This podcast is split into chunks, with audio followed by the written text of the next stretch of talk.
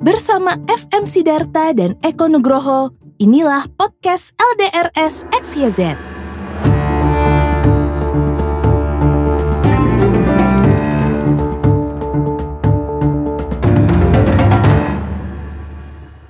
Pak Sid, saya dapat berita seru.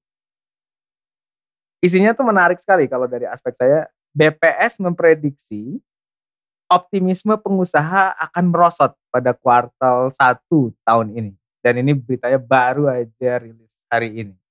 Saya Hmm. pengen dengar dong pendapat Bapak soal ini. Ini gimana sebenarnya?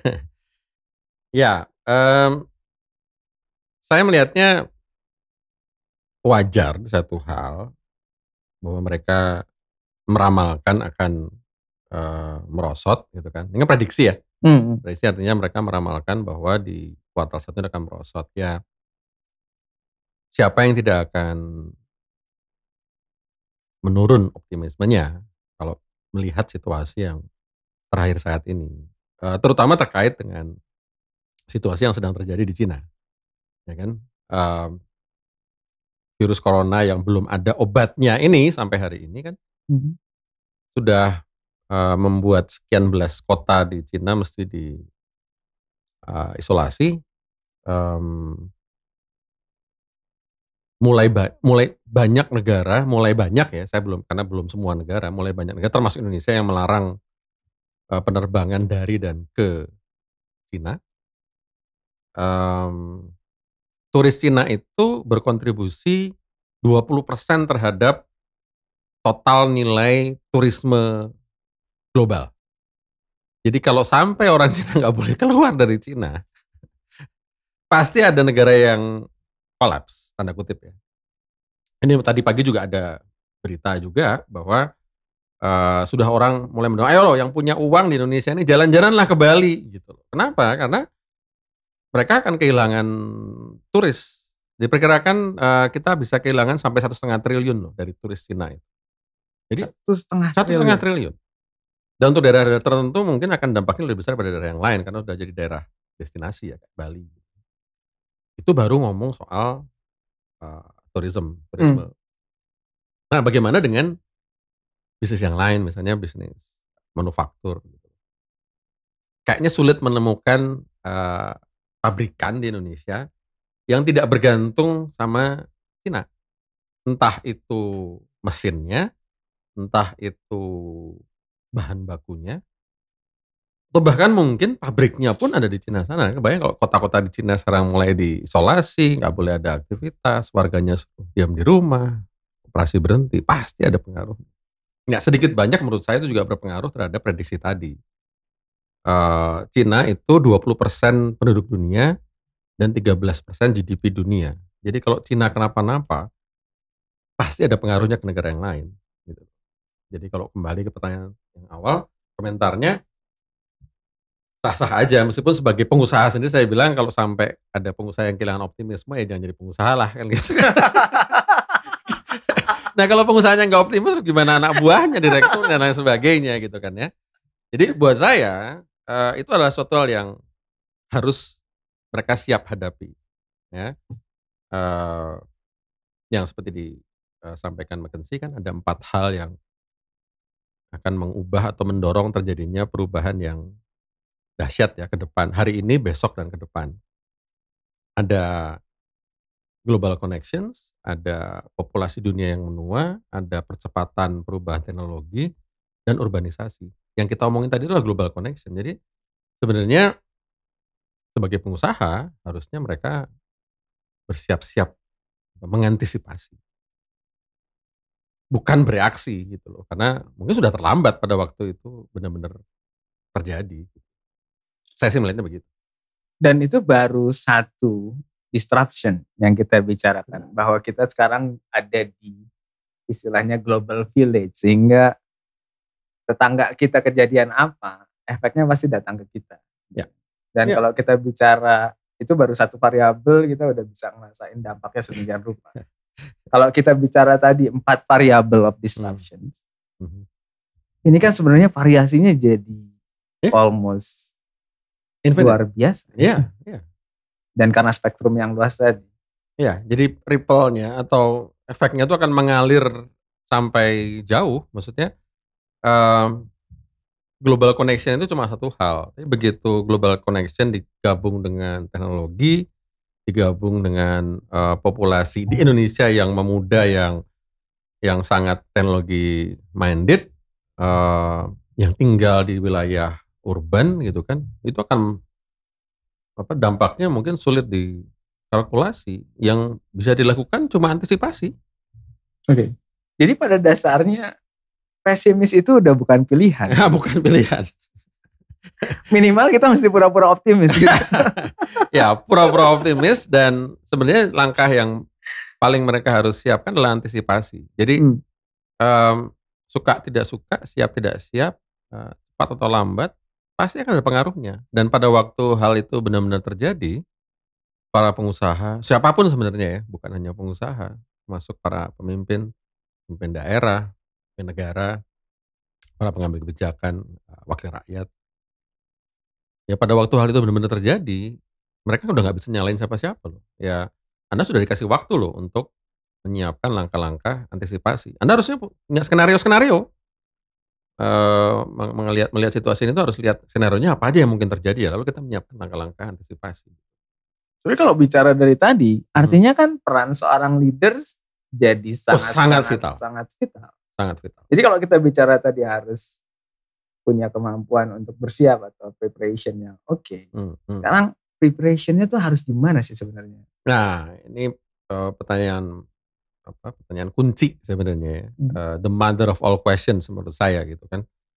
Uh, ke depan di segala lini segala bidang semua negara kota desa Indonesia dunia um, apa yang mesti kita siapkan itu pertanyaan pertanyaan maksudnya pertanyaan kunci udah udah bukan lagi soal optimis pesimis ya harus optimis ini kalau pesimis berhenti aja kan gitu jadi saya melihatnya pertama-tama mereka harus curiga dulu.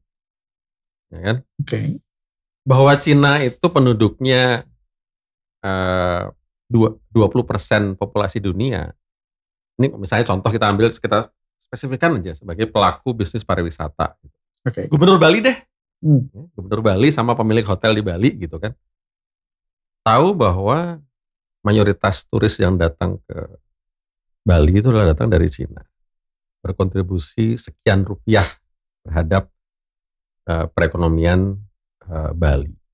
Tarik lagi lebih tinggi, Menteri Pariwisata kita yang baru dilantik gitu kan, bahwa turis Cina itu berkontribusi satu setengah triliun terhadap uh, masukan dari uh, pemasukan uang dari uh, turisme gitu kan. Nah, seharusnya mereka mulai curiga, hey, kalau ada apa-apa di Cina, kenapa-kenapa. Dan ini bukannya pertama kali loh virus corona ini kan ya. Ada virus babi, ada SARS, ada kemungkinan terjadinya outbreak itu sangat tinggi. Jadi kalau sudah pernah terjadi, maka ke depan pasti akan akan terjadi lagi. Nah, sana kejadian. Gitu. Jadi mereka harus sudah siap. Kalau sampai benar-benar terjadi sesuatu dengan turis Cina, ya harus punya antisipasinya. Jadi mereka harus curiga pada tren-tren yang semacam ini. Pertama menurut saya mereka harus punya sikap selalu curious, selalu curiga. Jangan-jangan, jangan-jangan gitu. Uh, saya suka sama uh, Andy Grove, dia ngarang buku judulnya Only the Paranoid Survive.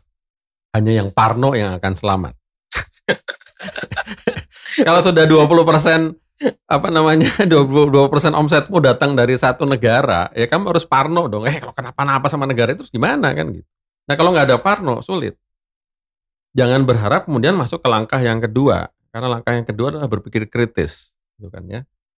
Tren-tren mana yang mesti kita perhatikan, tren mana yang mungkin kita bisa abaikan entah sementara untuk selama-lamanya, gitu kan. Berpikir kritis. Hal-hal mana yang mesti diperhatikan, hal-hal mana yang mesti tidak diperhatikan. Hal-hal apa yang harus dipertimbangkan, hal-hal apa yang bisa diabaikan.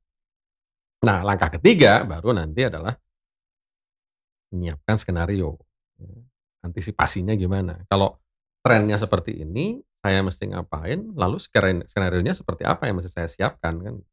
Jadi mungkin tiga hal itu ya. Hmm. Nah, tentu saja basicnya harus benar dulu. Ya, kan, sebagai Basic leader. leadershipnya harus benar dulu. harus benar dulu. Soalnya Jadi, tanpa itu tiga hal ini sulit, berantakan. berantakan juga. Misalnya integritas. Ya kalau sebagai leader yang penting saya terima uang, yang penting saya gajian, yang penting saya mendapatkan manfaat ekonomi. Ya mungkin mereka nggak akan mikirin itu.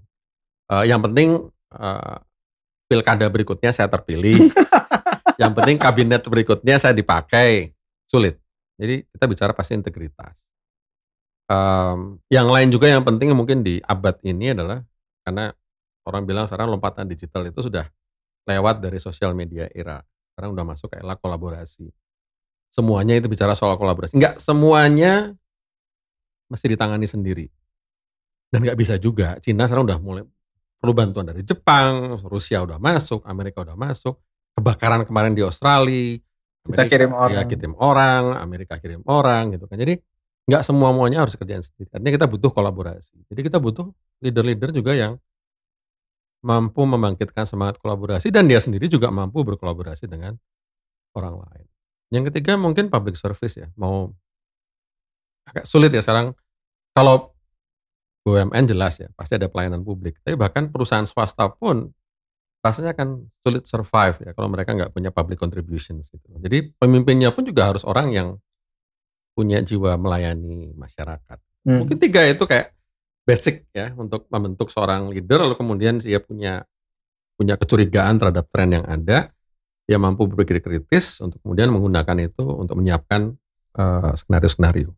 Tuh, ini menarik loh Pak menurut saya. Maksud Hmm. saya kalau kita bicara integritas, kita bicara dulu yang basic Hmm. gitu. Kita bicara integritas, terus kita bicara kolaborasi. Hmm.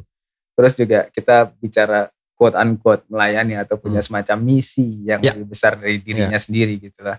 Terus lanjut kita harus selanjutnya dia harus punya curiosity gitu ya. Terus Hmm. dia harus punya critical thinking, Mhm. terus dia juga harus punya semacam skenario thinking. Hmm. Saya tuh yang langsung terbersit di benak saya adalah orang tuh ya kalau main game itu tuh harus punya semua itu. Loh, bener banget. Nah, kalau kita sambungin sedikit dalam konteks obrolan kita, saya tuh sel- mungkin analoginya nggak pas gitu ya. Kan kita naik pesawat itu selalu ada pramugari atau ada ada video yang nunjukin ke kita, this is what you need to do Hmm. if something wrong. Hmm. Gitu ya. Dan kita nggak pernah pengen itu terjadi sebenarnya. Tapi Hmm. sebenarnya kan itu bagian dari SOP untuk ditunjukkan. Hmm. Kan analoginya adalah untuk kemudian otak kita itu bisa berespon lebih cepat gitu karena kita melihat itu berulang kali. Jadi membiasakan melihat itu kan sebenarnya untuk melatih kita bisa berespon cepat. Hmm. Kayak saya jadi langsung terpikir, mungkin nggak sih kalau sebenarnya kita membiasakan bermain dalam konteks tertentu, itu bisa jadi sebuah konteks preparation untuk menghadapi Ya. perubahan-perubahan yang dinamis. ini. Tempat yang aman untuk kita bereksperimentasi, tempat yang aman untuk kita melatih critical thinking, tempat yang aman itu untuk mencoba skenario-skenario, mungkin adalah dalam game. Apa pun itu bentuknya ya.